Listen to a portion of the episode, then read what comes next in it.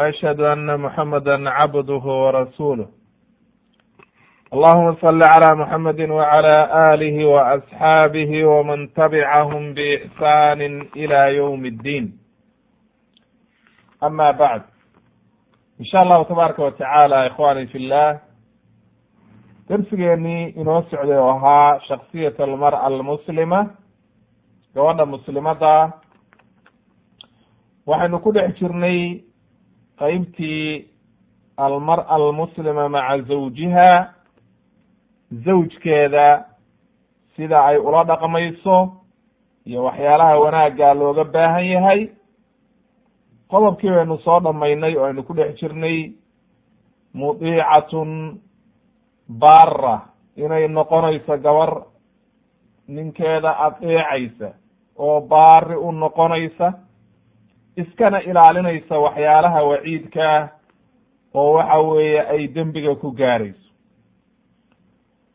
Caawa waxaan ka bilaabaynaa qodobka afraad oo odhanaya taburu ummahu wa tukrimu ahlah waxay baari u noqonaysaa ninkeeda qaba hooyadii oo iyada markaa u noqonaya sodohdii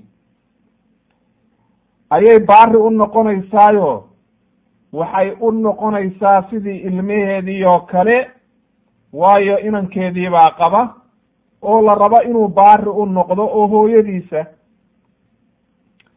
Marka labaad wa tukrimu ahlahu ahalkiisa oo dhanna way karaameynaysaa walaalihii rag iyo dumarba ciddii qaraabo ah wixii la dhashay ninka iyo qaraabadiisaba way karaameynaysaa maslaxadda ku jirta oo sababtaa loo yeelaya waxa ay tahay. Haddii ninka aada karaamaysid ukhtii oo ninkii aada jeceshahay oo wanaag u samaynaysid markaad hooyadii wanaajisid oo ku sii jeclaanaya.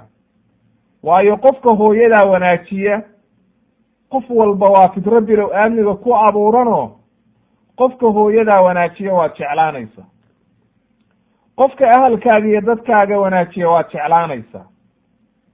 Haddaba gabadha muslimaddaa waxaa laga rabaa oo caqliga leh oo garanaysa diinteeda oo ninkeeda si fiican ula dhaqmaysa ikraamu inay karaamayso ninka hooyadii inay karaamayso oo ay ixtiraamto oo ay aada iyo aada u qadariso ay ka dhigto hooyadeed oo kale.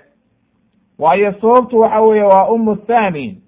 Waa hooyadeedii labaad wey oo mar haddii waxa weeye wiilkeedii shalay ay sagaalka bilood uurka ku siday oo xaas ku qabo oo aada xaas u noqotay hadde waxa weeye ilmiheedii ayaad ka mid noqotay ukhti.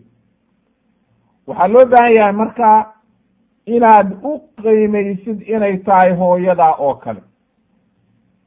Dumarkeenna soomaalida aada iyo aad bay arrintaasi khaladaad weyn uga galaan.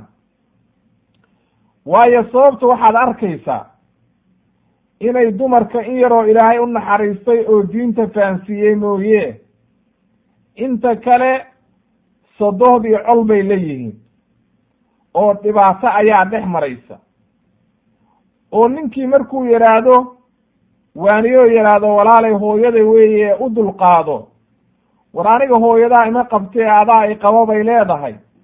Ee waxa weeye aniga hooyadaa shaqa kumeli arrimahaasi waa arrimo jaahiliya oo aan loo baahnayn oon wax wanaagsan ahayn. Haddaba waxaa loo baahan yahay inaad hooy ninka hooyadii aad iyo aad u ixtiraamtid. Waayo janna lagu gelayaayo hooyadii waxyaalaha jannada lagu kasbado ayay ka mid tahay birul waalideyn. Ninkii marka markaad hooyadii wanaajisid u baarinimo samaysid oo wanaag iyo wax walbo fiican aad u samaysid aad iyo aad buu kuu jeclaanayaa oo waxaad behelaysaa adduunyadii ayaa maciishadiina iyo waxa weeye noloshiini waxay noqonaysaa nolol wanaagsan oo mawadda wa ay taalo. Waayo nin halkan hooyadii la wanaajinayo oo loo naxariisanayo oo wanaag oo dhan loo samaynayo aad iyo aad ayuu qalbigiisu waxa weeye markaa jacayl iyo wanaag u gelaya haddaba ma doonaysaa ukhti inuu ninkaagu ku jeclaado? Waa inaad qalbigiisa soo jiidataa oo aad ku soo jiidataa waxa uu jecel yahay inaad waxa weeye maaragtay aada wanaajisid. Haddaba sidii inoo soo horumartay oo waxa weeye aahaartii laga warinaya caaisha radi allahu canha markay dumarka la hadlaysay ay ku waaninaysay inay dumarkooda inay raggooda wanaag u sameeyaan iyo keyrkoodba aahaartaas oo dhan ba ayna tusaysay arrintaas oo aad iyo aad loogu baahan yahay. Laakiin haddaynu hooyadii marka ka soo gudubno waxaa loo baahan yahay ahalkii oo dhan inaad karaamaysid oo wixii wanaaga u samaysid. Ma aha marka arrintaani aynu leenahay ninkii gabadhii ha karaamayso ahalkii iyo waxa weeye hooyadii iyo kulli ha hagaajiso ninkuna waa la mid ninka laftigiisa waxaa la rabaa xaaska uu qabo inuu waalidkeed hooyadii aabbihii dadkii la dhashay qaraabadii inuu karaameeyo. Oo waxa weeye aada iyo aad uu u karaameeyo oo wanaajiyo. Marka xaqiiqatan markaad fiirisid in badan dhaqankeena soomaalida waxa weeye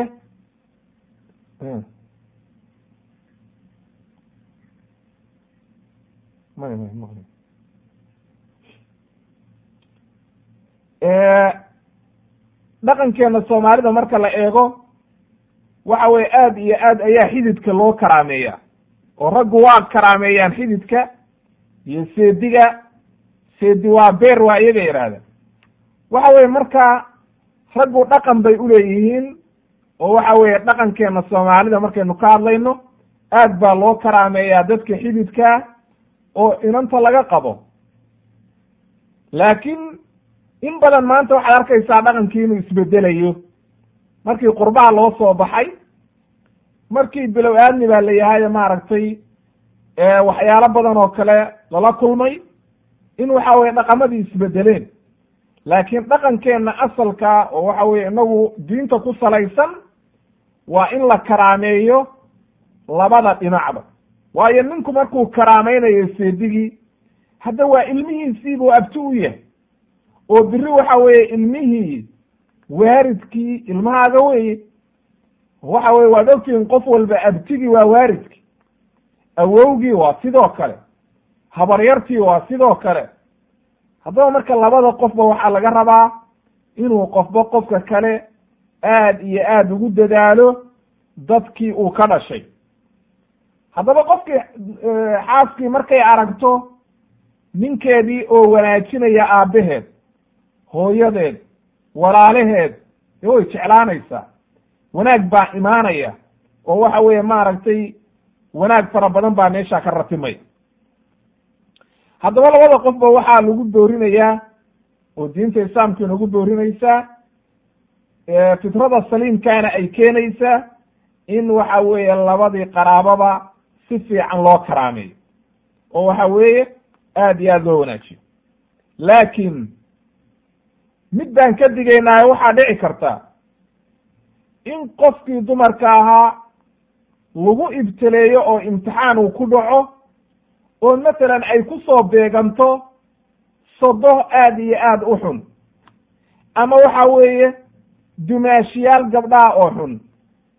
Ama wiilashii sidoo kale masalan in ninka faamilkiisii xumaadaan way dhici kartaa oo markaa gabadhii ninka uu qabay si xun loola dhaqmo wayna dhacdaa soomaalida dee wixii aan caqli lahayn oo aan xishoonayn way ka dhacdaa. Waana wax bilow aamniga oo dhan la soo gudboonaada. Laakiin maxaa loo baahan yahay see looga bixi karaa? Waxaa looga bixi karaa bilati hiya axsan inay gabadhu ku dadaasho maadaama ninkeedii ay isku fiican yihiin noo wanaagsanna wada qaybsanayaan sodohdii si walba ay u xun tahay horta iyadu waa hooyo iyada marnaba la xumayn mayo dhibaatona loo geysan mayo waa loo dulqaadanaya. Waayo iyadu waa hooyo. Hooyana waxa weeye mar walba waa in loo dulqaato. Oo aada iyo aad loo wanaajiyo. Dadkii kalena waa sidoo kale qaraabada ahaa iyagana waa loo dulqaadanaya. Haddaba waxaa looga bixi karaa arrintan labada dhinacba waa ka imaan karta. Oo ninkii waxaa dhici karta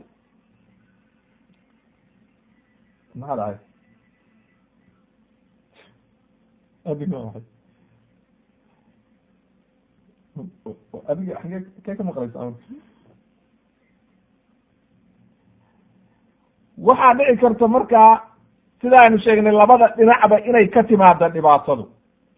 Oo ninkii inuu imtixaan la kulmo faamil dhib badan inuu ka guursado. Laakiin gabadhii uu guursaday ay gabarh wanaagsan tahay. Faamilkii markaa ay dhibaan oo tadaakhul ku sameeyaan. Waa wax aada iyo aada u xun laakiin waxaa looga bixi karaa dulqaadasho. In loo sabro oo loo dulqaato maadaama labadii qof oo guriga wada lahaa ay noloshii isla fahmayaan. Waxa kale waa loo dulqaadan karaa. Laakiin dhibaatadu waxay imaanaysaa uu gurigu dumayo markay labadan qof nolosha isla fahmi waayaan. Haddaba aad iyo aad waxaa muhiim jiddan u ah. Waa inoo imaan doontaa sida loola dhaqmayo oo waxa weeye ay sodohda iyo u wada dhaqmayaan baab dhan oo waxa weye maaragtay ayaynu uxiri u xiri doonaa mualifku oo aynu ku sharixi doonaa.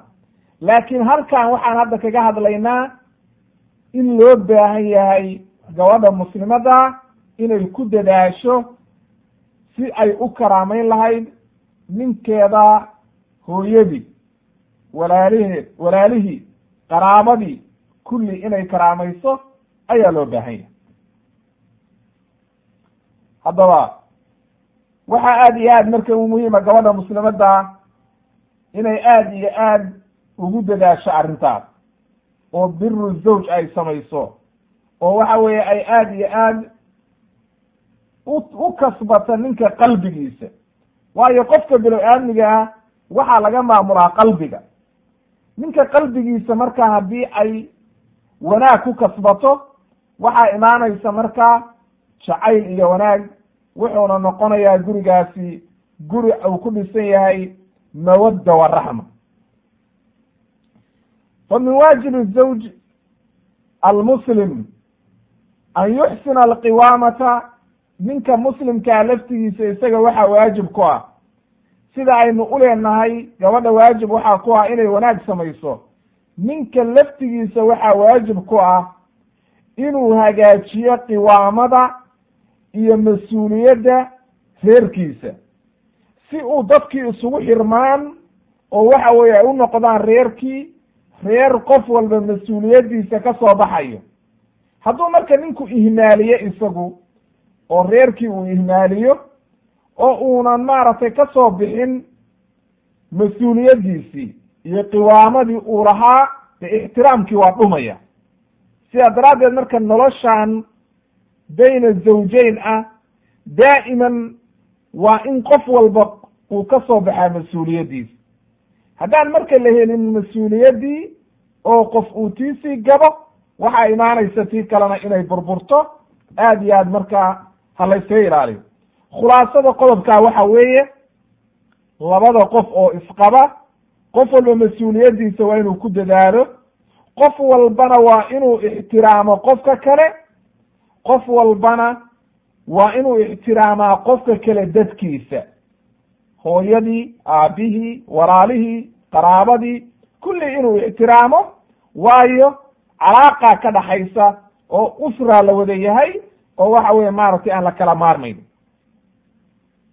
qodobka shanaad waxaan ku soo qaadaynaa wuxuu yihi shiku tawadadu lizawjiha wa taxrisu calaa ridaa waxay samaynaysaa oo laga rabaa gabadha muslimadda ah inay ninkeeda isjeclaysiiso. Daa'iman inay ku dadaasho waxa ninkeedu ku jeclaanayo. Ninkeedu wuxuu ku jeclaanayo inay ku dadaasho iyadoo aad iyo aad ugu dadaalaysa wixii aan macsi keenaynin inay ku raalli geliso waayo nebigaa yidhi calayhi salaatu wassalaam laa daacata limakhluuqin fi macsiyati alkhaaliq. Lama ogola marka wax macsiya inuu qofku qofka kale uu ku adeeco.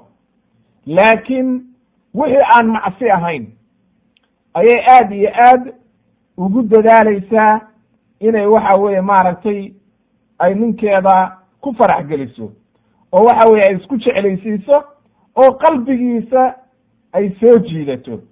Waayo quluubta bilow aadmiga fidro ilaahay ku abuuray weeye inay jeclaadaan qofkii wanaajiya. Oo waxa weeye qalbiga qofka wanaajiya xaggiisa ayuu waxa weeye maaragtay u iilanaya.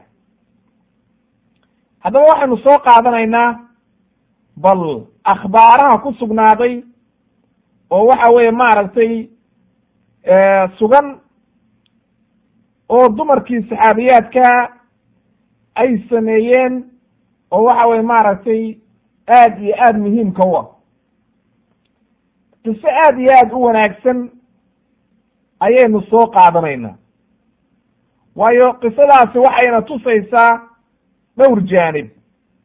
Dhinac waxay kaa tusaysaa gabadha muslimadda inay ku dadaalayso daa'iman ninkeeda wixii farax gelinaya inay samayso oo wixii aan macsi ahayn markaa dhinac waxay kaa tusinaysaa sabirka iyo wanaagga iyo waxa weeye khayrka lagu gaarayo. Dhinac kale waxay kaa tusinaysaa gabadha arrintaas samaysay fadligeeda iyo wanaaggeeda in markaa ay ku daydaan gabdhaha mu'miniinta. Caqligeeda iyo wanaaggeeda iyo sida ay samaysay in lagu daydo. Xaqiiqatan marka arrintan qisadan dhacday oo waxa weeye aad iyo aad u cajiibka ah waxa weeye dad badan baa waxaa laga yaabaa inay yidhaahdaan arrintaani waa arrin hayru macquul ah. Waa arrin aan caqli geli karin oo dhici karin. Laakiin xaqiiqatan waa arrin dhacday oo waxa weeye imaamu muslim fi saxiixi uu ku wariyey oo waa xadiis saxiixa oo fadaa'il asaxaaba uu ku keenayo baabka weliba wuxuu ku warinayaa fadaa'il umu sulaym. Umu sulaym binti milxaan radia allahu canha waa anas bni malik hooyadii hadda ka hor baynu soo marnay qisadeedii cajiibka ahayd oo markii uu soo doonay markay islaamtay waatuu ninkeedii malik oo waxa weye anas ibnu malik aabihii ayaa qabay intuunan isla islaamin. Markay iyadu islaamtay waatuu iska tegey wuu dhintay. Waxaa soo doonay abu talxa alansaari saxaabigii jaliilka ahaa oo waxa weye maaragtay aad iyo aad geesiga ahaa oo waxa weeye maalintii uxud iyo nebiga hareertiisa ka dagaalamayey oo aad iyo aad nebiga isku dhigayey oo waxa weeye fallaaraha ka xigsanayay abu dalxa marka waa gabadhii uu ku soo islaamay abu dalxa daraaddeed. Marka umu sulaym arrin aad iyo aad u cajiibay samaysa iyada oo kutusaysa sabirkeeda iyo wanaaggeeda. Marka bal xadiidkaan akriyaynaaye gabarh walba intay dhegaysato. Xadiidkaas saxiixa oo uu inooga sheekaynaya anas bni malik waa wiilkeedii. Baa werinaya qisadan dhacday imaamu muslim baana fi saxiixii ku wariyey gabar walba marka waxaa la rabaa inay ku dadaasho inay fawaa'id ka qaadato oo aad iyo aad arrintaas ay ugu dadaasho. Cibar iyo wanaag baa ku jira. Wuxuu yihi anas ibnu malik radia allahu canhu maata ibnun liabi dalxa waxaa dhintay wiil abu dalxa u dhalay oo umu sulaym ay u dhashay. Weliba arrintaani qisadaani wiilku wuu xanuunsanaa isagoo xanuunsan buu abu dalxa guriga ka baxay magaaladuu aaday markaasu waxa weeye nebiga iyo masaajidka qaarna riwaayadaha waxay leeyihiin safar adigu wiilka oo xanuunsan ayuu guriga uga tegey. Maqribkii buu hadhow buu soo noqday markuu soo noqday marka wiilkii waa dhintay intuu maqnaa? Waa wiil yar oo saqiira oo ay markaa u dhashay. Wiil yar buu ahaa. Marka waxay samaysay markuu wiilkii dhintay ayay dadkii ahalkiibay la dardaaranta joogay. Waxay tihi laa tuxadithu ha u sheeginina bay tihi abaa dalxa biibnihi xataa akuuna ana ilaa anigu aan ka noqdo mid u sheegta idinku ha u sheeginina anaa u sheegaye idinku faraha ka qaada bay tiri aamusa oo ha sheeginina wiilkaanu dhintay. Waxay doonaysaa inay sabirna muujiso ayna una nixin oo waxa weeye si sabira ay uga dhaadhiciso inuu wiilkiisii dhintay. Waxay samaysay wiilkii intay mare iyo wax ku duuduubtay oo meel gaara si geysay ayay casho u diyaarisay. Markuu soo galay bay weydiiyey. Oy ka warran wiilkii. Markaasay tihi hadduu ugu degan yahay siduu ahaa. Hadda waa degan yahay bay tiri ay macnaha waxay diidaysaa inay been sheegto. Oo waxay isticmaalaysaa hadal sarbeeba. Waxay tihi hadda si fiican buu u degan yahay. Ay macnaha haddii lagu yidhaahdo ilmahaagiyo xanuunsan hadda wuu degan yahay ay macnaha waxaad u qaadanaysaa in lagu yidhi ilmihii hadda waa fiican yahay oo waa seexday. Iyaduna waxay ka wadaa ka wu iska waa mayd oo nafba dhaqdhaqaaqba male waa dhintay ninkaas abu dalxa wuxuu u qaatay ilmihii hadda waa fiican yahay sida daahirka. Waxay samaysay cashadii bay u diyaarisay. Wuu casheeyey cabitaan bay siisay markuu cabitaankii iyo cashadii iyo hawshiisii dhamaystay wuxuu leeyahay anas ibnu malik marka markuu casheeyey oo cabay oo waxa weeye arrintaas la sameeyey ayay tasanacat way isku diyaarisay. Tasanacat tasanuca waxa weeye macnaha intay labisatay oo diyaar garowday oo catar iyo waxa weye waxay heli kadha isku dhufatay ayay u diyaar garowday ninkeedii macnaha dumarka daa'iman. Waxa weeye maaragtay ninka markay doonayso inay waxa weeye soo jiido waxaa ku filan ninka keliya inay maaragtay isdiyaariso. Mathalan daa'iman su'aalaha soo noqnoqda oo xadiidka nebiga haddaad halkaana fahantid xadiidka nebigana fahantid oo aynu sharaxaynay darsigii hore oo su'aashu ku jirtay. Mathalan xadiidku nebigu yidhi ninku hadduu xaaskiisa u yeerto inay diidda ma aha waa inay u timaadaa oo u diyaar garoodaa ay macnaha jimaac hadduu ugu yeerto. Dadka qaar baa mar walba waxay weydiiyaan oo naagtii hadday u yeeratana oo uu diido.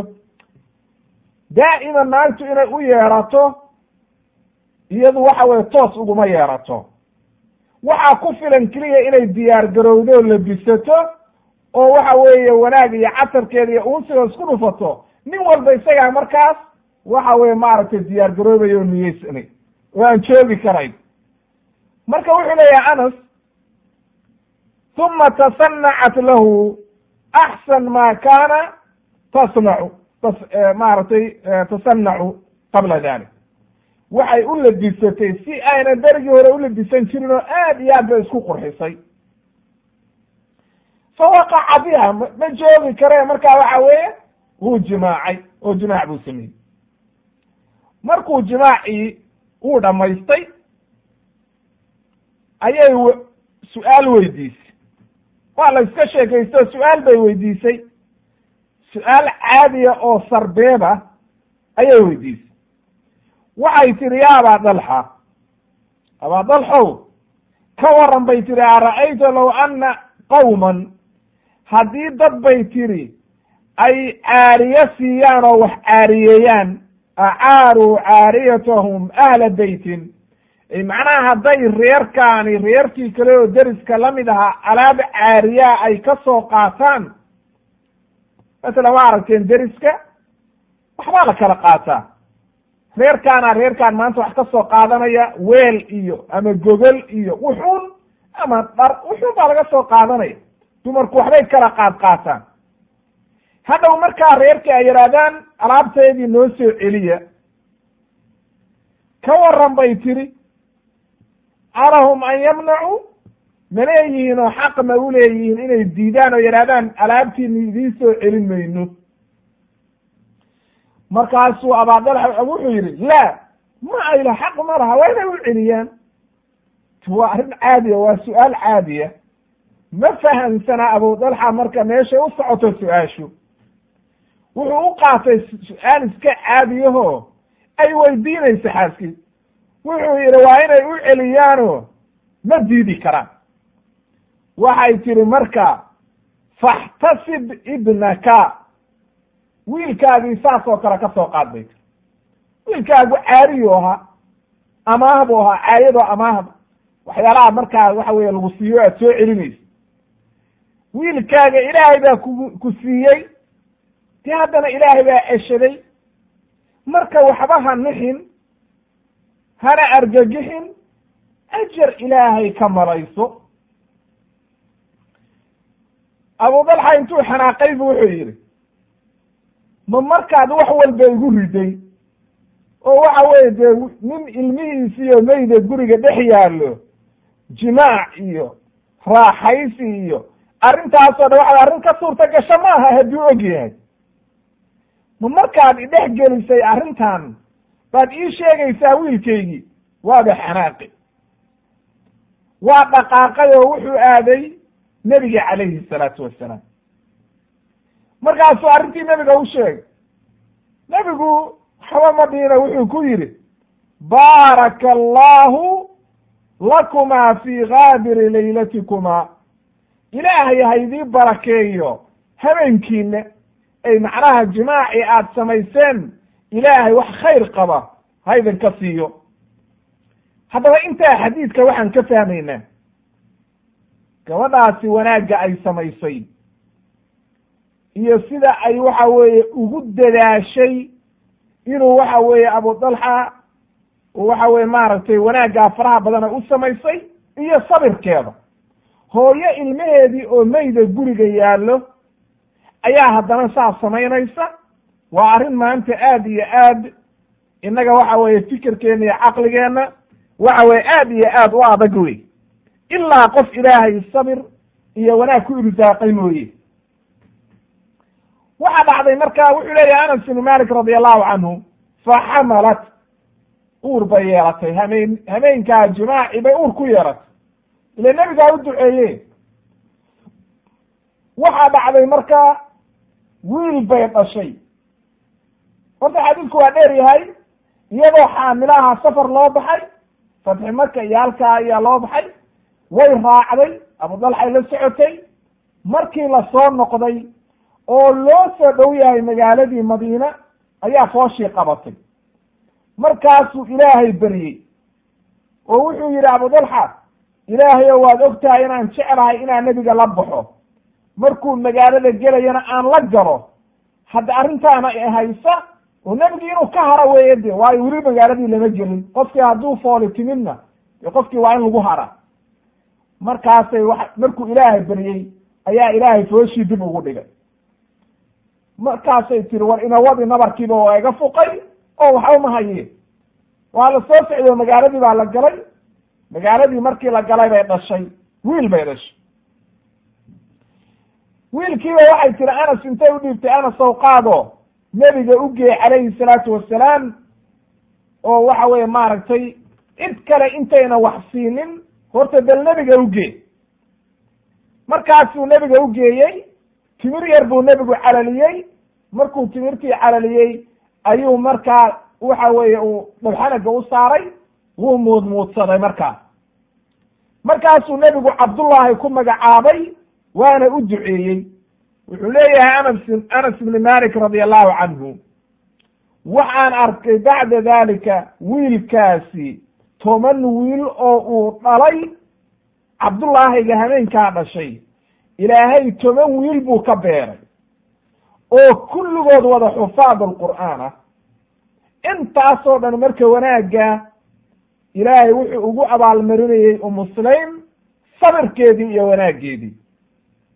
Marka umu sulaym gabadhaasi waa gabadh taariikh dheer leh waa gabadh aad iyo aad u wanaagsan oo waxa weeye taariikhdeeda aad iyo aad meelo badan ay ugu soo aroortay waayo waad u jeedaa wanaaggeeda iyo sabirkeeda. Ilaa nebigu xataa ugu bishaareeyey jannada oo waxa weeye maaragtay ay sugnaatay in waxa weeye uu nebigu yidhi waxaan galay jannada markaasaan waxaan maqlay sharqan hortayda ka sii yeeraysa. Wuxuu leeyahy nebigu dakhaltu ljanna jannadaan galay fa samictu khashbatan ay macnaha sharqan oo waxa weeye qofku markuu cagta kor u qaado sharqanta ka yeedha faqultu waxaan idhi man haada? Markaasaa waxaa laygu yidhi qaaluu waxay yidhahdeen haadihi algumaysaau waa qumaysaa waa bintu milxaan waa umu sulaym umu anas ibni malik waa saxiixu muslim buu ku warinaya. Haddaba marka gabadhaa wanaaggaa iyo sharaftaa gaadhay waxa ay ku gaadhay sabirkaa iyo wanaaggaas ay waxa weeye ninkeeda u samaynaysay oo ninkeeda ay mar walba kula dadaalaysay inay farxad iyo wanaag kula noolaato oo ay ka ilaaliso wax walba oo waxa weeye naftiisa dhibaato u keenayo haddaba waxaynu u baahannahay gabdhaha muslimiinta inay ku daydaan gabdhaha wanaagsan oo waxa weye maaragtay taariikhdooda aad iyo aad ay u wanaagsan tahay. In lagu daydo ee aan aad iyo aad maaragtay laisugu mashquulin waxyaalaha maanta dadku wanaagga moodayaan. Arrin kale aan soo qaadano oo iyadana kutusaysa wanaagga dumarku ay waxa weeye raggooda u samaynayeen. Iyo waxa weeye sida ay jacaylka iyo wanaaggu u dhex yiilay oo qalbigeeda uu ugu xiraa qalbiga ninkeeda. Waxaa dhacday arrin aad iyo aad u cajiib ahayd oo nebiga calayhi salaatu wassalaam dumarkiisa dhex martay. Arrin waxa weeye nebigu culammadu meelo badan bay ku sheeg sheegaan waxyaalo badan baa lagu fasiraa laakiin macal shaahidkeenu hadda waxa weeye nebiga calayhi salaatu wassalaam ayaa aalaa nisaa'ahu aalaagu waxa weeye ilaagu waa inuu qofku ka dhaarto xaaskiisii muddo go-an. Oo yidhaahdo reerkayga u tegi mayo masalan bil waa dhaar. Ilaaga dhaar baa la yidhahda waana ninka waxa dhaaranaya naagta maaha. Naag iyadu waxba kama dhaaran karto waxa dhaaranaya waa ninka. Ey inaanan xaaskayga bil u tegaynin oo jimaac ugu tegaynin. Ayuu ninkii ku dhaaranaya arrin baana keentay sabab baa keentay oo nebigu intuu u xanaaqay. Masalan arrintaasina waxay ahayd bay yidhahdeen arrintan ilaahay kaga sheekeeyey maaragtay fi suurati maaragtay limutaxarim ilaahay kaga hadlay lima tuxarimu ma axala allahu laka tabtaqi mardaata azwaaji. Arrin uu u sheegay oo xabse uu yihi cidni ha u sheegin wa ida asara annabiyu ilaa bacdi azwaajihi xadiidan arrintaa marka markay sheegtay ayuu markaa nebiga al caaisha ay u sheegtay ayuu markaa nebigu ictizaal sameeyey. Bil buu marka uunan u gelin oo wuxuu yihi uma gelaya bil dumarkayda maalintay bishii ahayd sagaal iyo labaatan ayaa nebigii soo degey oo ka soo degay meeshii uu joogay oo u soo galay caaisha. Markay caaisha uu u soo galay ayay waxay ku tiri nebiga calayhi salaatu wasalaam innaka bay tiri adiga rasuulka ilaahayow waxaad ku dhaaratay inaadan bil noo soo gelin wa innaa asbaxnaa waxaana waa beriisanay maanta bisha iyadoo ay sagaal iyo labaatan tahay. Oo aanu tirinay acaddaha acadda waa tirinay bay tiri. Oo bisha waa tirinayni. Markaasuu nabigu wuxuu yihi ashahru tiscu wa cishruun bishu waxa weeye sagaal iyo labaatan. Ay macnaha bisha islaamka marna sagaal iyo labaatan bay ku dhamaataa marna soddon xadiidkan macal shaahidkaan u keenayna waxa waa xadiis saxiixa macal shaahidkaan u keenayna waxa weeye qowlka ay caaisha tiri acaddahaa caddan waan tirinaya bishii. Oo waxay hameen walba tirinaysay bal bishaasi inta ka dhiman si aynan marnaba waxa weeye uga khaldamin qalbigeedaa marka wuxuu ku xiran yahay ninkeedii. Oo waxa weeye ay aada iyo aad u sugaysaa oo waxa weye ay jeceshahay inay bishaasi soo dhammaato si ninkeedii ugu soo noqdo. Haye maanta marka innaga soomaalideena haddaynu dhaqankeenna u fiirino gabadhii la yidhaahdo ninkaagii wuu dhaartay ee bil sug maya bay leedahay anigana ilaah bay iga tahay. Dagaal iyo rabsho iyo mashaakil baa bartaa ka bilaabanay. Ma jira marka sabir ilaa waxa weeye qof dhif oo ilaahay unaxariistay mooye haddaba waxaa loo baahan yahay qofku inuu shareecada islaamkana ku qanco oo uunan waxa weeye maaragtay diidin oo waxa weeye uunan dhibaato ku samaynin oo uu u hoggaansamo waxyaalaha ilaahay sharciyeeyey naftiisana uu sabir siiyo waxaan kaloo soo qaadanaynaa arrin iyadana taariikhda culummadu ay ku wariyeen oo waxaa laga wariyey ninka la yidhaahdo shurayx alqaadi waa qaadigii faqiiha oo mashhuurka ahaa oo waxa weye maaragtay qaadiga ahaan jiray kuufa. Ayaa waxaa laga wariyey wuxuu guursaday baa la yihi gabar min bani xandara qabiilkii la yihahdo carabta ka mid ahaa ka mid a habeenkii marka loo guri geynayey oo markii loo gurigeeyey oo ay salaadii tukadeen oo waxa weye salaadii sunaha ahayd oo labada ragcadood ay markay tukadeen oo ilaahay uu qof walba beriyey inuu ilaahay ka siiyo zawjkiisa khayr ayay waxay ku tiri intay la hadashay. Waxay ku tiri shurayxow innii imra'atun gariiba waxaan ahay qof dumara oo dee qariiba ah isma naqaano ma jirin berigii hore waxaan dadku maanta ay barteen oo jahliga iyo shaydaanku u sawiray oo waxa weeye laba sano saddex sanaanu isbaranayna saaxiib baan ahaanayna waa inaanu horta isfahanaa waxaa dhaqan gaalo laga keenay wey dadka islaamka waxa weye maaragtay waxaa maa yaqoon waxay tiri innii imra'atun gariiba qof waxaan ahay qariiba oo aan ku aqoon laa aclam ma garanayo. Laa cilma lii biakhlaaqika. Akhlaaqdaada ma garanayo. Fabayin lii maa tuxibu faaatiihi. Waa kan macal shaahidku. Waxay tihi fabayin lii ii caddee maa tuxibu wixii aad jeceshahay. Fa aatiihi aan la imaadee. Macnaha waxaad jeceshahay ii sheeg sida lagula dhaqmayo iyo waxaad ka heshid iyo waxaad jeceshahay iyo waxay aan xaaraam xaaraam kuma jirto. Dadku waa dad islaama aan sameeye ii sheego wamaa tukrahu wixii aad karaahsanaysid wamaa takrah wixii aad neceb tahay. Na ii sheeg fa abtacid aan ka fogaada canhu fa abtacidu canhu aan ka fogaade. Bal u fiirso waa laba arrimood ee aad iyo aad muhiima waxay tiri niyow aniga dabeecadahaaga ma aqaan. Marka iisoo koob warko waxa aad jeceshahayna ii sheeg aan kuu sameeye. Waxa aad neceb tahayna ii sheeg aan ka dheeraade. Warkii yaran intaasuu ku dhanyahy haddaba wuxuu leeyahay shurayx marka goor dambe oo dee ay dhimatayba ayuu ka sheekeynaya wuxuu yidhi.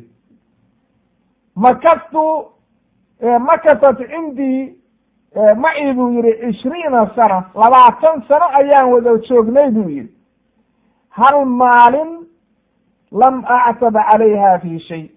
Hal wax kuma canaanan buu yihi wax khalada oo ayga gashay ma garanaya buu yihi oo aan ku canaantay ilaa maratan waaxida. Hal mar baan canaantay oo waxa weye aan wax ka dhibsaday. Wuxuuna yidhi kuntu lahaa daaliman markaas aan isqabanayna anaa gardaraadis dalu fiirso. Waa markhaanti aad iyo aad u cajiiba oo uga markhaanti kacay gabadhaa qaymaheedii wuxuu yidhi labaatan sanaan qabin hal mar baan wada hadalnay oo wax waxa weeye dood iyo muran ku saabsanba uu yimid oo caraan leh. Markiina anaaba gardaraa iyadu maba gardarayn oo anaaba dulmiyey. Haddaba marka bal u fiirso wakti fillaah maantana innaga dadkeenna islaamka ah ama dhaqankeenna soomaalidaba haddaad u fiirsatid aad iyo aad baad arkaysaa in dadkii mar walba ay khaladaad kala gelayaan. Inkastoo marka aad fiirisid in badan aad arkaysid inay raggii daalimiin yihiin oo dulmi gelayaan oo dulmi fara badan ku jiraan haddana markaa uuna dulmigiisii qaadanayne uu dulminayo waxa weeye gabadhaa oo waxa weeye maaragtay uu dhibaato ku samaynayo. Laakiin in badanna waxaad arkaysaa dumarka iyagoo wax dulminaya oo mashaakil badan uu imaanayo. Haddaba waxaa loo baahan yahay akhawaati fillah in aad iyo aad nolosha loo fahmo oo ay gabadha muslimadda ay ku dadaasho sidii gurigeedu u ahaan lahaa guri ku dhisan mawadda waraxma watawadud isjacayl iyo wanaag iyo waxa weeye khayr iyo dulqaadasho iyo sabir iyo waxa weye maaragtay wanaag ku dhisan. Ma aha sida dhaqankeenna uu dumarka soomaalida yahay. Markii ninka iyo xaasku wax yar mudmaanba oo muran yar yimaado khalad yar uu dhaco inay hadal ka dhigtaan ifur hadal kaleba ma jiro. War waxa waa laga wada hadlaa oo khaladka waa la xaliya maya in la ifuraan rabaa. Markii la isku xanaaqaba waa furiin baan rabaa. Xanaaq waa imaanayaayo laa maxaala. Khalad waa imaanayaayo laa maxaala. Waayo qofku bilo aamni wey waa lagugu khaldamayaa ukhti fillaah adigaa khaldamaya. Ma aha markii lagugu khaldamo inaad tiraahid furiin baan rabaa. Marka waxay yidhahdaan soomaalidu dumarku xoog bay ka dhigtaan ifur tabar kale ma hayaan. Markii wax yar la isku xanaaqo ifur haye dalqadahaygaysi waa khalad weeye in badan baa dhibaatadaasi ku dhacday.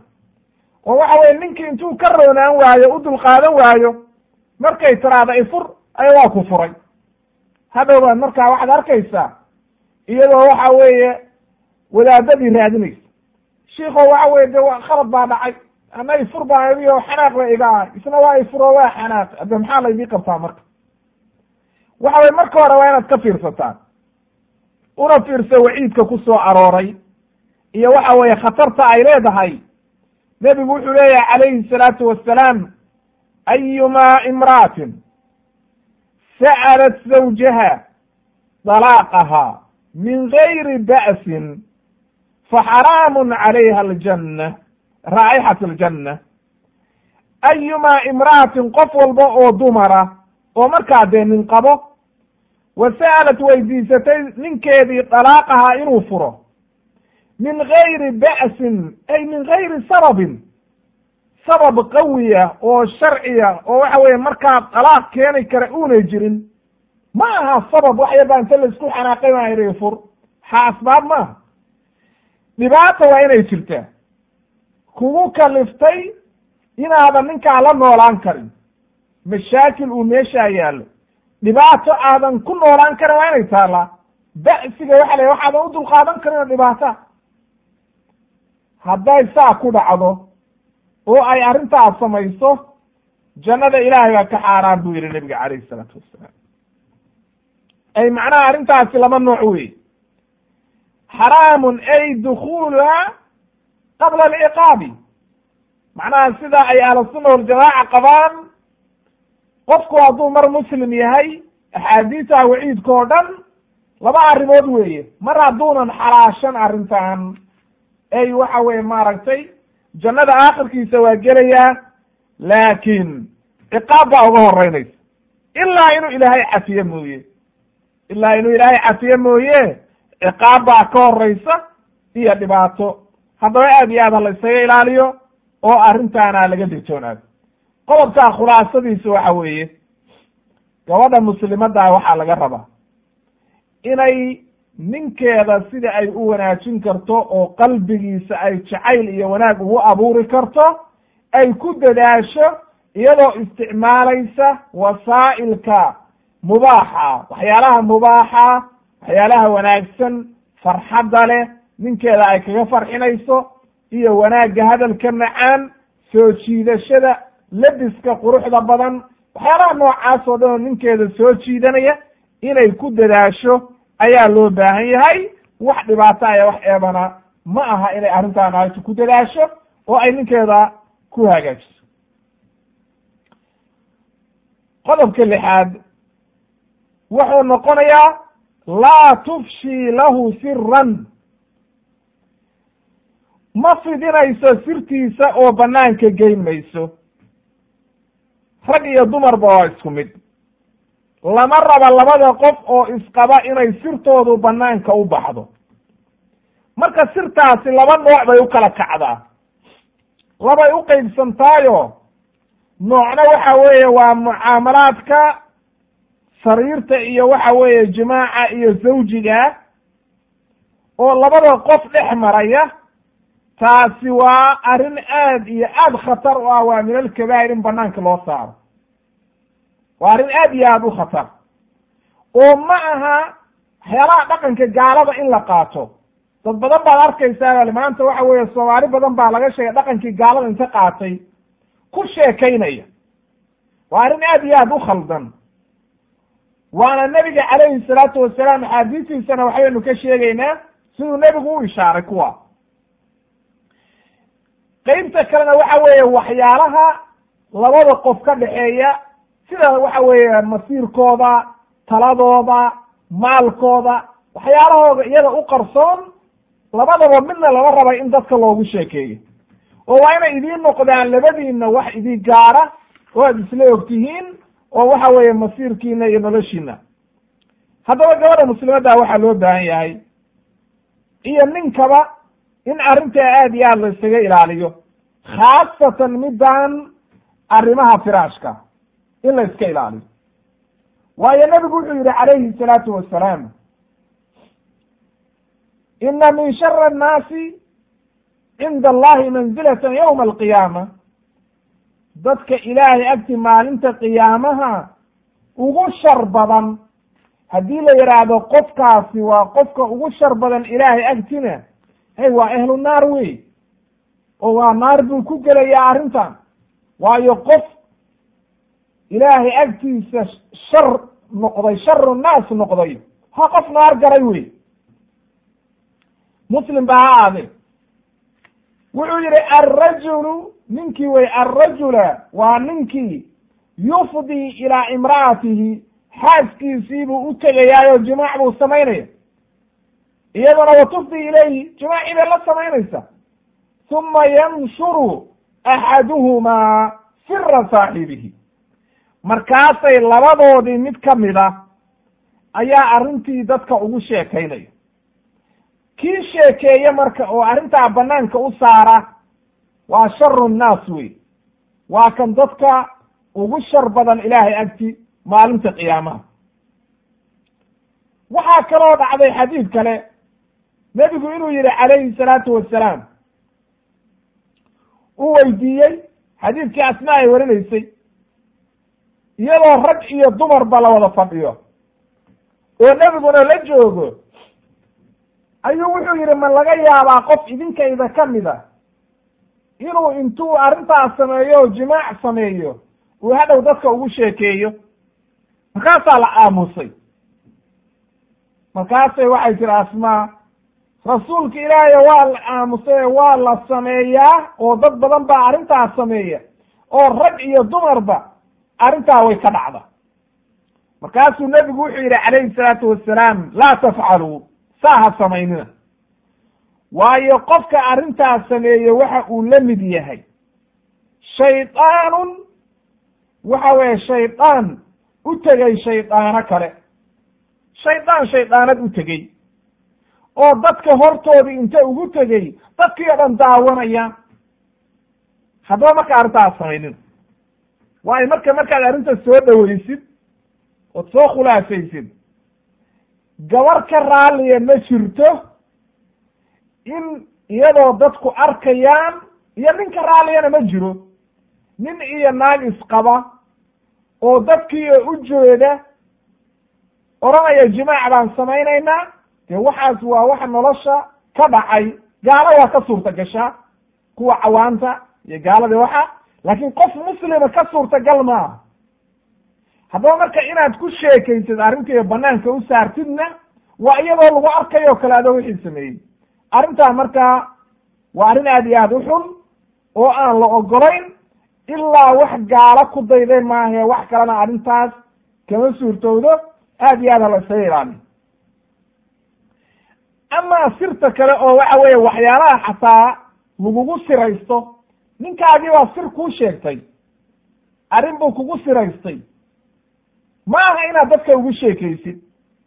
Waayo u fiirso nebiga calayhi salaatu wasalaam xabse markii uu ku siraystay oo waxa weye arrin u sheegay waatuu ilaahay yihi wa idaa sara annabiyu ilaa bacdi azwaajihi xadiidan falama nabba'at bihi wa adharahu allahu calayhi carafa bacdahu wa acrada can bacd. Falama naba'ahaa bihi qaalat man anba'aka hada qaala naba'anii alcaliimu alkhabiir arrintaani laba qisay culummadu ku tilmaameen sida mufasiriinta ay soo aroorinayaan qaar waxay leeyihiin gabar addoonaa jirtay oo nebigu lahaa marka guriga xabsa ayay maalin xabsoo ka maqan baa nebigu maaragtay ugu tegey markaasay xabsa xanaaqday inta soo gashay markaasuu wuxuu yidhi maanta laga bilaabo bes bay iga tahay. Qaarna waxay yidhahdeen culummada waxay ahayd arrintu zaynab baa waxay soo samayn jirtay baa la yidhi malab. Ayay nabiga siin jirtay macaan. Markaasay caaisha iyo inta u heshiiyeen iyo xabsa waxay ku yidhaahdeen ku heshiiyeen markuu nebigu ku yimaado afkaaga waxaa ka soo shiiraya dhe macnaha geed malabku lahaa wa saasa oo aan fiicnayn. Marka malabkaan aa cunto malab fiican maaha iska daa. Arrintii bay ku heshiiyeen. Labadoodiiba markay saa yidhaahdeen oo caaisha ku tiri xabsana uu tago ay ku tiri buya bes maanta laga bilaabo dib dambe uu cuni mayo. Oo waxay rabeen inay malabkaa ka jooji xoogaa masayr waa arrin dumar iyo masayrkooda. Oo waxay arkeen inuu nebigu jecel yahay malabka adiga calaa kulli xaal arrintii bay markaa xabsa waxay u sheegtay caaisha oy tiri bes weeye maanta laga bilaabo. Saasay u dhamaatay arrintii. Waa lagu canaantay marka. Aad iyo aad ayaa loogu canaantay arrintaa. Ilaa markii dambe l ilaahay uu yidhi in tatuubaa ila allahi faqad sagat quluubukuma wa in tadaaharaa calayhi fa ina allaha huwa mawlaahu wa jibriil ila aakhir alaaya toobad keenaa la yidhi arrintan aad samayseen sirta nebiga aad banaanka u saadheen haddii kale ogaada waciid iyo arrin khatara ayaa ku soo arooray ilaa uu ilaahay u goodiyey oo yidhi haddiidan arrintaa ka joogsan oona arrintaa dhamaynin casaa rabbuhu in dallaqakuna an yubdilahu azwaajan khayra min khayra minkuna in ilaahayba idinku bedelo idinkaba kuwa idinka khayr badan oo waxa weeye gabdho iyo garoobado leh.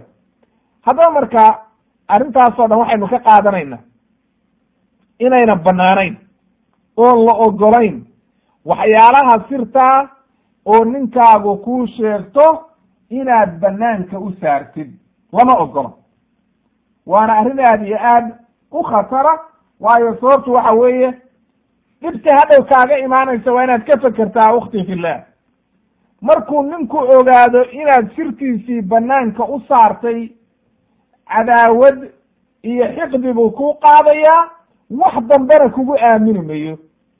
Wax dambe ma kugu aaminayo. Sir dambena kuu sheegan mayo. Marka wuxuu kaa noqonayaa santuuq xiran. Shala haddii qalbigiisu kuu furaa oo waxa weeye wanaag walba uu waxa weeye uu kuu sheeganayey ouna waxba kaa qarinaynin haddii maanta aada sirtiisa banaanka u saartid wuxuu kaa noqonayaa wuu xirmaya. Sidaa daraaddeed marka arrintaana iska ilaali oo aada iyo aad arrintaa uga digtoonow bal waxaa la rabaa labada qofba inaynan marnaba arrintaas aynan u dhowaanin waay saasayna ahay dhaqanka saxaabada ridwaan ullaahi calayhim. Markay nebigu saa u tarbiyeeyey inay dig dambe arrimaha noocaas aada iyo aad ay ugu dadaali jireen inay wanaaggaa la yimaadaan. Jayid qodobka ku xiga oo toddobaad wuxuu noqonayaa taqifu ilaa jaanibihi wa tushaarikuhu fi ra'yi. Wa tushaarikuhu alra'ya dhinaciisay istaagaysaa oo talada iyo waxa weye wanaagga iyo fikradda saliimka ah ayay kala qayb qaadanaysa. oo wax walba oo ninka soo wajaha oo markaa loo baahanya in laga wada tashado de ayay kala talinaysa. oo qofka ra'yigiisa ilaah baa garanaya waxaa dhici karta arrin markaa la raba in la sameeyo. In labadii qof markay ka wada tashadaan inay gabadhu asiibto inay gabadhu asiibto oo xaaskan ka wada. Inay waxa weye xaaskii asiibo arrintii oo waxa weeye uu iyadu markaa ay fikraddii ka haysa ninka. Marka waxaa la rabaa inay daa'iman ninkeeda la taliso oo wixii wanaaga oo uu markaa samaynayo ay kala taliso. Ma aha inay amrayso oo odhanayso ilaa wa ilaa saa samee. Sida dumar badan maanta ay aaminsan yihiin. Anaa amiir wa anta amiir labadii qofba inay amiiro noqdaan. Guriguna haddii laba amiir uu yeesho ma taagnaanayo oo waa dumaya. Waa inay dumarku taa ogaadaan. Gubar guri laba amiir leh ma soconayo doon laba naakuudo lena waa degtaa. Waa inaad ogaataan baabuurka laba qof ma wada wadi karo gurigana laba qof ma wada hogaamin karaan. Waa inuu gurigu yeeshaa qof mas'uula oo wada iyo qof waxa weeye maaragtay hawshii kale iyo wanaagiisii wax walba. Haddaba marka waxaa loo baahanya labada qofba inay wada tashadaan inay waxa weeye ku dadaalaan guriga hawsha wax walba wanaaga. Waayo xaqiiqadu waxa weeye laa ghinaa lirajuli can ilmar'a ninkii naag kama maarmo naagtiina nin kama maaranto noloshii maadaama marka ay isku xiran tahay oo allihii subxaana qaadirkaa nolosha isugu keen xiray waxaa la rabaa inaynu noqonno noloshii nebiga calayhi salaatu wassalaam iyo ay ku wada noolaayeen dumarkiisu. Caaishaa la weydiiyey radia allahu canha. Waxaa la yidhi ka waran nebiga calayhi salaatu wasalaam markuu guriga joogo. Xadiidkaas raggu inay si fiican u fahmaan baa fiican. Ragga maanta moodaya markuu gurigiisa hawl yar ka qabto ama ilmihiisa uu wax yar ka hagaajiyo ceeb moodaya bal xadiidka nebiga ha dhegaysteen iyo nebigu suu samayn jiray. Waxay tihi caaisha radiallahu canha markii la weydiiyey muxuu samayn jiray markuu nebigu gurigiisa joogo? Waxay tihi kaana fii mihnati ahlihi mihna maxaa la yidhahda mihnada waxaa la yidhahdaa guriga hawsha laga qabanayo. weelkoo la dhaqayo dharkoo la dhaqayo waxa weeye ilmuhu cunto la siinayo kaadida iyo xaarka laga dhaqayo. mihna waxaa la yidhahdaa waa waxa dumarku ay guriga ka qabtaan. haddaa mihna maqashid marka dumarku waxay qabanayeen oo guriga oo dhan buu la qabanayay. haye. haddaba marka ceeb ma aha. ikhwaani fillah yaan la odhanin rag badani ayna odhanin arrintan yurub baa loogu yimi. Qurbahaa keenay. Ceeb weeye nin waxa weeye ilmihiisa hagaajinayo waxa weye baambarka ka bedelaya ceeb ma aha. Bal waa sharaf iyo wanaag wey xaqiiqatan. Waayo sababtu waxa weeye markaynu dumarku markii soomaaliya la joogay oo dhulkeennii ninku waxa weeye guriga ba uma hayn. Midda kale dumarka guriga gabdhaa joogay ciidan baa joogay qaraabadii baa wada joogta ilaa iyo haddana waa sidii. Laakiin markii qurbaha iyo banaanka loo soo baxay waa adiga iyo xaaskaaga guriga iyo ilmihii. Habaryar caawinaysa male oo gabar walaalo caawinaysa male oo hooyo u caawinaysa male waa keligeedoo qura. Hay marka ilmihii iyo cunto karintii iyo guriga hagaajintii iyo iskoolgeyntii iyo ka soo qaadi iyadu marka qofkaani haddaad hawshii oo dhan ku sii daysay goormay ninow marka waxa weeye gabadhii isku kaa qurxinaysa goormay kuu diyaar garoobaysa hadhow marka adigu naftaada eerso. Haddaba ceeb ma aha ikhwaani fillah in dumarka lagu caawiyo guriga oo hawsha lala qabto bal wanaaggu waxa weeye in la yidhaahdo iska nasoo fadhiiso oo wax walba loo qabto. Markay daalantahay la nasiyo marka ma aha in ceeb laga dhigo. Waayo laqad kaana lakum fi rasuuli illahi uswatun xasana. Wataa caaisha ay leedahay kaana fii mihnati ahlihi. Wax ceeba iyo wax mashaakilo ay leedahayna ma jirto. Saxaabadoo dhanna noocaasay ahaayeen oo waxa weeye maaragtay ay wanaagga u samayn jireen. Haddaba markay gabadhii aad saas adigii u hagaajisid iyadiina markaas hagaajin iyo wanaag oo dhan bay la imaanaysaa. Siday dumarka nebiga calayhi salaatu wasalaam ahaayeen ra'yigooda sadiidka wanaagooda kulli ay kala qeyb qaadan jireen. Haddaba marka waa inagii hadda ka hor soo marnay inay dumarku ka qeyb geli jireen jihaadka inay raaci jireen oo umusulaym iyo dumar badan ay ka soo qeyb qaateen. Haddaba marka waxaan soo qaadanaynaa bal taariikhda islaamka soomaalidu waa iyaga ku maamaaha qaar baa odayaasha waxay ku maamaaha. Dumarka waa lala tashadaa la tasho markaa taladoodana hadhow khilaaf ra'yiga ka qaado taladooda khilaaf. Waa arrin jaahiliya. Wuxuu ku leeyahay waa lala tashadaa waana la khilaafaa. Oo maxaa ula tashanaysa haddaad khilaafaysid waa arrin aad iyo aad u jahli. Oo waxa weeye aan islaamka shaqo ku lahayn. Haddaba bal aan fiirino faa'idada iyo wanaagga ay dumarka wanaagsan leeyihiin markay ninkooda la talinayaan.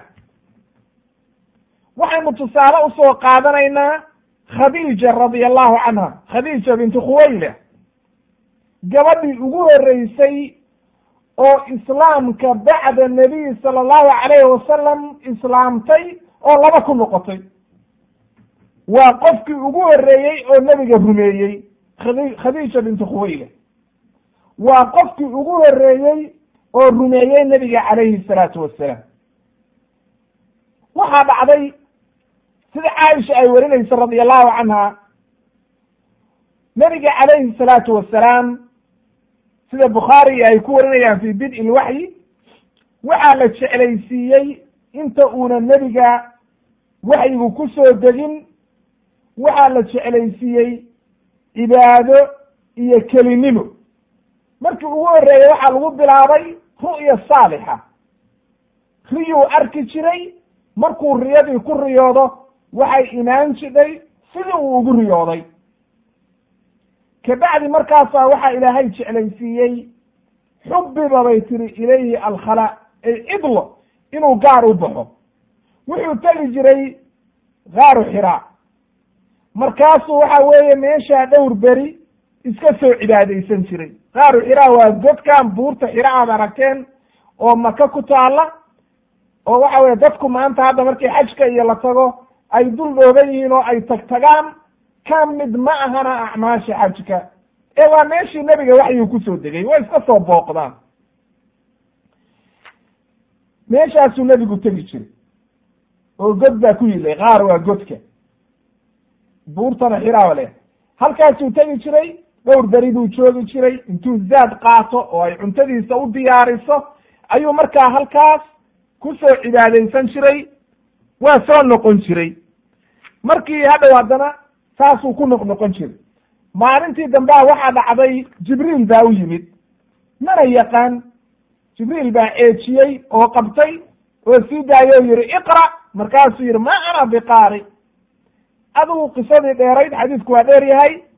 Macal shaahidkeennu hadda waxa weeye xadiidka markuu nebigu soo noqday calayhi salaatu wassalaam oo jibriil sii daayey oo uu u yimid khadiija ayuu yihi zamiluni zamiluni idada idada waa la deday markii bakdintii ka bacday ayay markaa wuxuu yihi khadiija maxaa igu dhacay?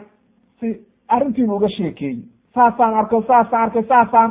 Wallahi inii khashiitu calaa nafsi. Marka nebigu waa cabsaday oo wuxuu is yidhi majin baa ku helay? Ma dhibaataa waxaan? Waa maxay? Khadiija markaasay waxay samaysay arrin aad iyo aad taariikhda u gashay. Oo noqotay arrin nebigiina dejisay ra'yigeeda saliimkaana ku tustay iyo waxa weeye maaragtay caqligeeda aad iyo aad qaaliga u ah markuu yihi wallahi naftaydaan u baqay. Bay tiri kallaa maya bay tiri abshir bay tiri bishaarayso. Fa wallahi laa yukhziika allahu abadan. Ilaahay weligaa ku hoojin maya bay tiri bishaarayso bay tiri riwaayado qaarkood bay ahlu siyarku werinayaan ay leedahay markaa ay tiri wallaahi waxaan rajaynayaa inaad noqotid nebiga ummaddan loo soo diray waxay tihi abshir bishaarayso ilaahay weligaa ku hoojin mayo. Sabab marka maxay u dhaaratay? Oo arrintan u keentay sifaadka nebigay tiqiinay sifaadkiibay sheegtay qofka sifaadkan laga helana ilaahay ma hoojiyo. Waxay tihi innaka latasilu raxim. Qaraabadaad xiriirisaa. Wa tasduqu alxadiid warkana run baad ka sheegtaa. Wa tuxmilu lkalla kelligu waxa weeye qofka dhibaataysana waxba haysan ayaad wax siisaa oo kan muxtaajiinta waxay tiri wa taksibu lmacduum ninka faqiirkaan waxba haysanna waxbaad siisaa waxay tihi wa taksibu lmacduum wa tuciinu waad caawisaa wa tuqricu dayf bay tiri martidina waad karaamaysaa waad soo dhoweysaa wa tuciinu calaa nawaa'ib alxaqi kuwa xaqalena waad u gargaartaa qofka marka sifaatkaa laga helay oo dadkii dhibaataysnaa u gargaaraya oo kii xaq lahaa xaqa ugu hiilinaya oo qaraabadii xidhiirinaya oo martidii wanaajinaya qofkaasoo kale ilaahay ma hoojiyo oo dhibaato kuma sameeyo. Uma markaasay intay la tagtay oo qabatay oo kaxaysay ka aad bay u caqli badnayd. Khadiija qof cajiibay ahayd. Intay kaxaysay ayay waxay u geysay ninkii waxa weeye in adeerkeed ahaa. oo waxa weye maaragtay markaa indhabeelay oo waraqata ibni nawfal la ohan jiray. waa waraqata ibni nawfal oo waxa weeye khadiija ayay waxay yihiin ilmo adeer. wuxuu ahaa marka ninkaani nin shirkigii quraysh ka dhex baxay oo yihi sanamyada aad caabudaysaan waxba ma aha. Wuxuu samayn jiray injiil iyo towraad bu intuu akriyo oo afkii reer bani israa'iil oo cibraanigaha buu bartay. Markaasuu intuu akriyo kitaabkii towraad ayuu wuxuu u bedeli jiray carabi ku qori jiray oo baran jiray oo dadka ugu yeeri jiray. War kutubta ilaahay soo dejiye raaci u ohan jiray ee iska daaya sanamyada nin diin garanayuu ahaa oo ahlu kitaab ah oo garanaya taariikhdii nabiyullahi muusa iyo taariikhdii ciisa calayhim assalaam markaasay u geyso waxay tihi bal waxaad waraysataa wiilkan waxa weeye walaalkaa dhalay. Ey macnaha walaalkaa waxa weye dee waa isku family markaasuu wuxuu yidhi maxaa kugu dhacay adeer?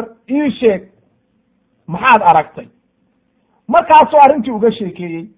Markaasuu wuxuu yidhi haada naamuus buu yidhi waa malku jibriil waa naamuusku waa qof sirta keena ey macnaha waa kelimad ay markaas u yiqiineen luuqadda waxa weye maaragtay naamuuska oo waxa weeye cibradii iyuu ka tilmaamaya wuxuu yidhi naamuuskii nabiyullaahi muusa u imaan jiray weeye ay waa malaku jibriil waxaana noqonaysaa buu yidhi nebi oo nebi baa lagaa dhigay markaasuu meeshii ku rumeeyey isaguna. Oo rumeeyey oo shallaayo wuxuu yidhi nin weyn buu ahaa oo indhabeelay wuxuu yidhi laytanii jacdan maan maanta dhalinyaro ahaado. Marka reerkaagu ku bixinayaan oo kula culaytamayaan quraysh haddaan nin dhallinyaraha xoog la ahay waan kuu hiilinayaa oo waxaan ku dadaalayaa inaan ku garab istaagaan ku dadaali lahaa.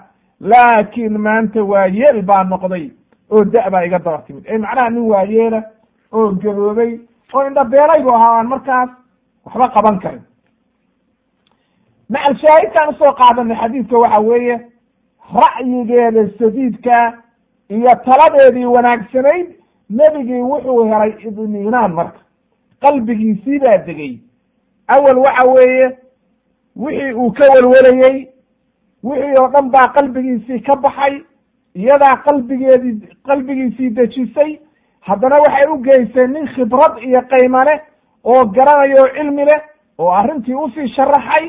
Kulli intaasoo dhan waxay kula dadaalaysay inay borobareemka nebiga uu dareemay ay ka dulqaado. Oo waxa weeye ay ra'yigeeda iyo caqligeeda iyo khibraddeeda inta la kaashatay saa waxa weeye u samayso haddaba marka waxaa la rabaa gabadha muslimaddaa markuu ninkaagu kuu soo galo oo gurigii yimaado oo aad dareentid inuu murugaysan yahay. Ma aha inaad waxa weeye broblem kale ku abuurtid. Waa inaad murugada sidaad uga baabi'in lahayd iyo waxa weeye siduud mashaakilka ula xallin lahayd. Aad dhinac istaagtaa oo waxa weeye aada la talisaa oo aad iyo aad aad arrintaas ugu dadaashid baa la rabaa. Sidaa khadiija ay samaysay oo kale ayaa loo baahan yahay oo waxa weye aad iyo aad muhiimka wa waxaynu kaloo soo qaadanaynaa iyadana oo aad iyo aad cajiib u ah oo kutusaysa dumarka fikirkooda iyo ra'yigooda in la qaadan karo oo qofku ra'yigiisu uu saliim noqon karo. Qisadii umu salama radia allahu canha umu salama waa xaaskii nebiga waa wada garanaysaan. May horta intaynu ka bixin arrintii khadiija ayaa waxaa soo arooray xadiid khadiija markay ogaatay nebiga inuu nebi yahay oo ilaahay uu soo diray ayay maalkeedii iyo nafteedii wax walba waxay hayse la garab istaagtay oo rumaysay oo dadkii ugu yeertay ilaa markaas markay qurayshi dhibto nebiga oo ay soo dhagxiyaan oo dhibaato ku sameeyaan uu guriga yimaado ayay markaa dejisaa oo ka baabi'isaa oo waxa weye ay qalbigiisa dejisaa oo murugada ka baabi'isa. Ilaa maalintii dambe uu nebiga calayhi salaatu wasalaam iyadoo u soo socota oo raashin u wada. Ayaa nebiga waxaa u yimi jibriil. Markaasuu jibriil nebigu wuxuu leeyahy calayhi salaatu wasalaam ataa jibriilun macnaha abu hureyra ka warinaya. Jibriil baa u yimid. Nebigu u yimid calayhi salatu salaam faqaala wuxuu ku yidhi ya rasuul allah rasuulka ilaahayow haadihi khadiija khadiijaa soo socota qad atadka way kuu timid macnaha way soo socotaa. Macaha inaa-un weel bay wadaa ay cunta ku jirto dhacaam iyo sharaab iyo wax ku jiro bay ku wadaa fa idaa hiya atadka hadday kuu timaado faqra calayha asalaam min rabbiha wa mini allahu akbar. Derajada ay gaadhay iyo wanaagga ay gaadhay fiiri khadiija ukhti fillah ilaahay baa salaamaya rabbigii subxaana qaadirkaa baa jibriil soo diray oo yihi khadiijo salaam iga gaarsiiye qofka ilaahay salaamay oo salaanka laga gaarsiinayo waa qof aad iyo aad ilaahay u jeclaaday markaasaa jibriilna wuxuu yidhi anigana igu salaan markaasaa wuxuu yihi nabiga calayhi salaatu wasalaam jibriil wuxuu ku sii daray wabashirhaa ugu bishaaree bibeytin fi ljanna min qasabin laa khadaba laa sakaba fiihi walaa nasab waxaad ugu bishaaraysaa guri jannada ku yaalla oo fido iyo wanaag laga sameeyey lu'lu iyo marjaan. wanaag laga sameeyey oo aan daal iyo qaylo iyo muran iyo dhibaato oo nin oo buuqma jirin. guri ay ku nasato maadaama gurigeedii adduunyada ay mashaakilkan ku dhex jirto oo dacwo u taagan tahay oo nafteedii ay iibisay oo waxa weeye mashaakil iyo dhibaato ay la kulantay waxaad ugu bishaaraysaa guri ay ku nasato oo jannada ku yaalla allahu akbar. Haddaba marka wanaaggaas oo dhan bay iyadiina gaartay waxayna ku gaartay markay ninkeedii wanaagga la garab istaagtay. Waad ogtihiin marka taariikhda qur'aanka inooga sheekeeyey waxa weeye nabiyullaahi nuux calayhi salaam. Nabiyullaahi nuux markay naagtiisii khayaantay oo ay waxa weeye ay dacwadiisii diiday naar bay gashay. Oo waxa weeye waa la halaagay. Oo waxa weye intii la harqiyaa lagu daray. Waxba uma tarin marka nebi baa qabay. Nabiyullaahi luud sidoo kale waxba uma tarin nebi baa qabay. Haddaba marka wanaagga waxaa lagu gaaraa wixii ilaahay jecel yahay qofku inuu sameeyo. Marka khadiija radiallahu canha wanaaggaa waxay ku gaartay wanaagga ay samaysay nebiga ay u samaysay ay garab istaagtay radia allahu canha wa ardaa. Waxaynu kala soo qaadanaynaa umu salama. Dumarka nebiga o dhan waxay ahaayeen dumar aan kala dhicin oo aad iyo aad xagga caqliga iyo xagga wanaagga iyo dacwada kulligood midba mid ka daran tahay mawqif cajiiba ayay waxa weeye keentay iyo ra'yi cajiiba umu salama waxaa dhacday maalintii sulxulxudaybiya nebiga calayhi salaatu wasalaam sidaa siirada ku qaadateen oo ku aragteen nebiga calayhi salaatu wasalaam iyo quraysh waa iyagii dagaalamay. Dhibaato badan baa dhex martay. Maalintii dambe bacda uxud iyo ayaa wakti dambe oo sulxulxudaybiya xilliga ay dhacday ayaa nebigu wuxuu yihi waxaan aadayaa cumra cumradii markuu yimid meeshaan xudaybiya oo waxa weeye uu hadyigii oo la calaamadeeyey oo wixii o dhan uu wado oo ay rabaan inay cumraystaan ayaa quraysh u diiday. Maya bay dhehen wallahi inayna noo soo gelaynin oonan imaanaynin. Waxa weye intuu shala raggayagii laayey maanta inuunan imaanaynin oo carabi ku sheekaysanaynin xoog buu ku galay. Adigu waxaa la wada galay heshiis. Markii dambe dagaal intii la gel heshiis baa la galay. Waxaa la yidhi sanadkaa naga noqo sanadka dambena imow saddex beri baan ku ogolnahay. Saddexdaa beri markaa waxa weeye maaragtay cumraysta hadhowna naga noqdo. Waxaa dhacday markaa shuruudihii la gelayey oo waxa weye maaragtay heshiiska marka la gelayey qodobadii heshiiska aad iyo aad baa xagga dadkii islaamka ahaa. Markaa waxay u arkayeen in aad iyo aad iyaga lagu jiifsaday oo cumar ibn khadaab iyo radia allahu canhu aad bay arrinta uga xanaaqeen. Waayo sababtu waxa weeye waxaa ku jirtay qodob aad iyo aad u khatara oo markaa ay saxaabada u arkayeen in dhibaato badan loogu geystay waxaa ka mid ahaa qofkii idinka qurayshayda ka mid a oo soo islaama oo nebiga iyo saxaabada soo aada waa laydiin soo celinayaa. Kii nebi maxamed calayhi salaatu wasalaam ka soo taga oo idinka ida soo aado idiin soo noqdana ha noo soo celinina. Saxaabadii waa yaabe waxay dhahan see qof soo islaamay loo celinaya hadda arrintaani waa waxyi min allah waxa weeye heshiiskan siduu nebigu u sheegay calayhi salaatu wasalaam markuu cumar weydiiyey. Cumar baa inti xanaaqay abubakar u tegey markaasuu wuxuu ku yidhi abubakar intuu la hadlay? Oo waxa weeye cumar baa dhahaya intuu abubakar la hadlay? Ayuu wuxuu ku yidhi. Intuu abubakar u yimid ya ababakar buu yidhi alaysa birasuuli illah miyuuna rasuulka ilaahay ahayn markaasuu qaala bala wuu yihi markaasuu yihi awalasnaa bilmuslimiin miyaanu muslimiin anagu ahayn. Markaasuu yihi waana. Awalaysuu bilmushrikiin miyaynan gaalo ahayn. Markaasuu yihi way yahay way yihiin markaasuu wuxuu yihi facalaama nucdii addaniyata fi diinina. Addaniyata fi diinina. Maxaan u siinaynaa diinteenna waxa liita? Ee macnaha maxaan heshiiskaan xun u qaadanaynaa?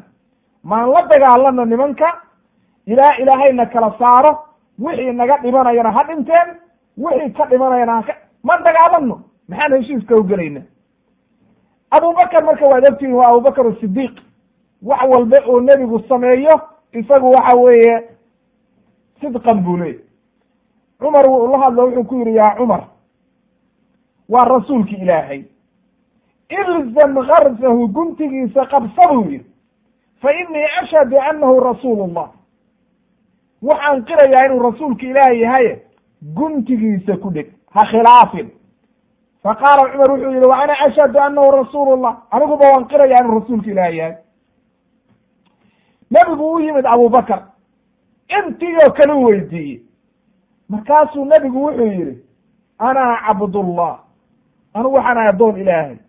Wa rasuuluhu iyo rasuulkiisii lan ukhaalifa amrahu amarkiisana ma khilaafayo walan yudayicanii mana idhuminayo oo idayici mayo sidaa uu ku werinayo siiratu ibn hishaam uu siirada ku keenayo iyo saxiixu muslim haddaba marka heerkaa markay gaadhay oo saxaabadii ay arrintu halkaa la gaadhay oo waxa weeye nin waliba uu aad iyo aad maskaxdiisa ay arrintu ula weynaatay ayaa waxaa dhacday markii heshiiskii la dhameeyey ayaa nebigu wuxuu yidhi istaaga. Oo saxaabada intuu la hadlay waxa weeye gowraca hadyigiina madaxana xiira waynu iska noqonaynaa. Nin dhaqaaqaa la waayey nin dhaqaaqa oo amarkii qaataa la waayey nin walba naxdin iyo waxa weeye murugo ayuu madaxa hoos u raariciyey ma aha inay nebiga amarkiisa diidayaan laakiin arrintiibaa waxay ku noqotay arrin aad iyo aad fajicisaa oo qalbigoodi iyo maskaxdoodii ka weynaatay. Shuruudaha la galay. Waxaa dhacday markaa saddex jeer markuu la hadlay oo ay hadli waayeen oo dhaqaaqi waayeen oo nin walba murugaysan yahay maba maqlayaan hadalka la leeyahay waayo sababta maskaxdoodii dhan waa maqan tahay. Ayuu nebigi intuu kacay ayuu umu sulaym u gala umu salama. Oo xaaskiisii ahayd oo meel khaymada tayndhe ku jirtay ayuu u tegey. Markaasay tihi maxaa kuu dhacay rasuulka ilaahay? Wuxuu yidhi wax imaqlayaba male saasaa dhacday.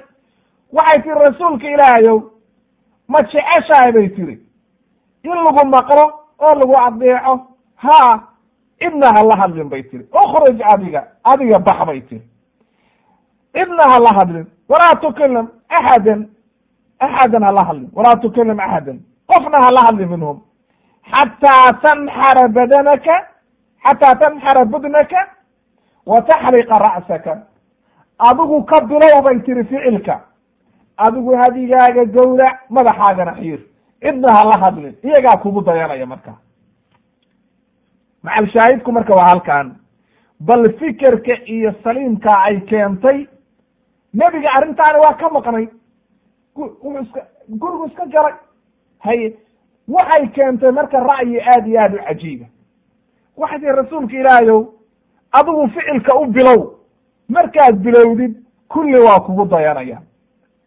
sidii bay noqotay nebigu ra'yigeedii buu qaatay ma uu odhan waa naagi ra'yigeeda hala khilaafo sida soomaalida jaahiliinta ay aaminsan yihiin ma uu odhan ra'yigeedii buu qaatay wuu baxay hadyigiisii buu gowracay halaaqiina waa u yeerto madaxiibuu mar alla markay arkeen nebigiioo madaxii xiiraya ayay hal mar inta wada istaageen nin walba wuxuu ku bilaabay madaxiisii in la xiiro hadyigiisii gowraco ilaa qaarkoodba qaarka kale ay ku sigteen inay madaxii isjarjaraan iyagoo waxaa nin walba hamiga kan xiirayaa inuu sakiinta kii kale ku gooyo waayo qalbigiisii o dhan baa maqan? Marka macal shaahidkeenu hadda waxa weeye ra'yigaa saliimka oo wanaagsan oo ay keentay umu salama radia allahu canha waxa uu keenay oo badbaadiyey saxaabadii oo dhan. Waayo saxaabada hadday nebiga amarkiisii qaadan waayaan dee ciqaab min allah baa imaanaya. Saxaabadii o dhan marka waa badbaadeen. Nebigiina arrintiisii waa socotay murugadii iyo waxa weeye fekerkii nebigu markaas hayay oo dhanna waa ka baaba'ay.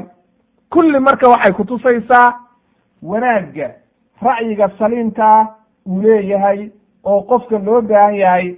Haddii ra'yi saliima uu keeno in ra'yigiisa la qaato rabbigii subxaana qaadirkaa marka waxaan weydiisanayaa inuu ilaahay dumarkeenana ka dhigo kuwa ilaahay ra'yiga wanaagsan waafajiyo raggana uu ka dhigo kuwa qaata markii wax wanaagsan loo sheego wa subxaanaka allahuma bixamdika ashhadu an laa ilaha illa anta astakfiruka wa atuubu ilayk walxamdu lilahi rabi alcaalamiin insha allahu tabaaraka watacala halkaasaan ku joojinaynaa. Welina dersiga waa sii socdaa. Marka intaas ayaan ku joojinaynaa caawa haddii rabbi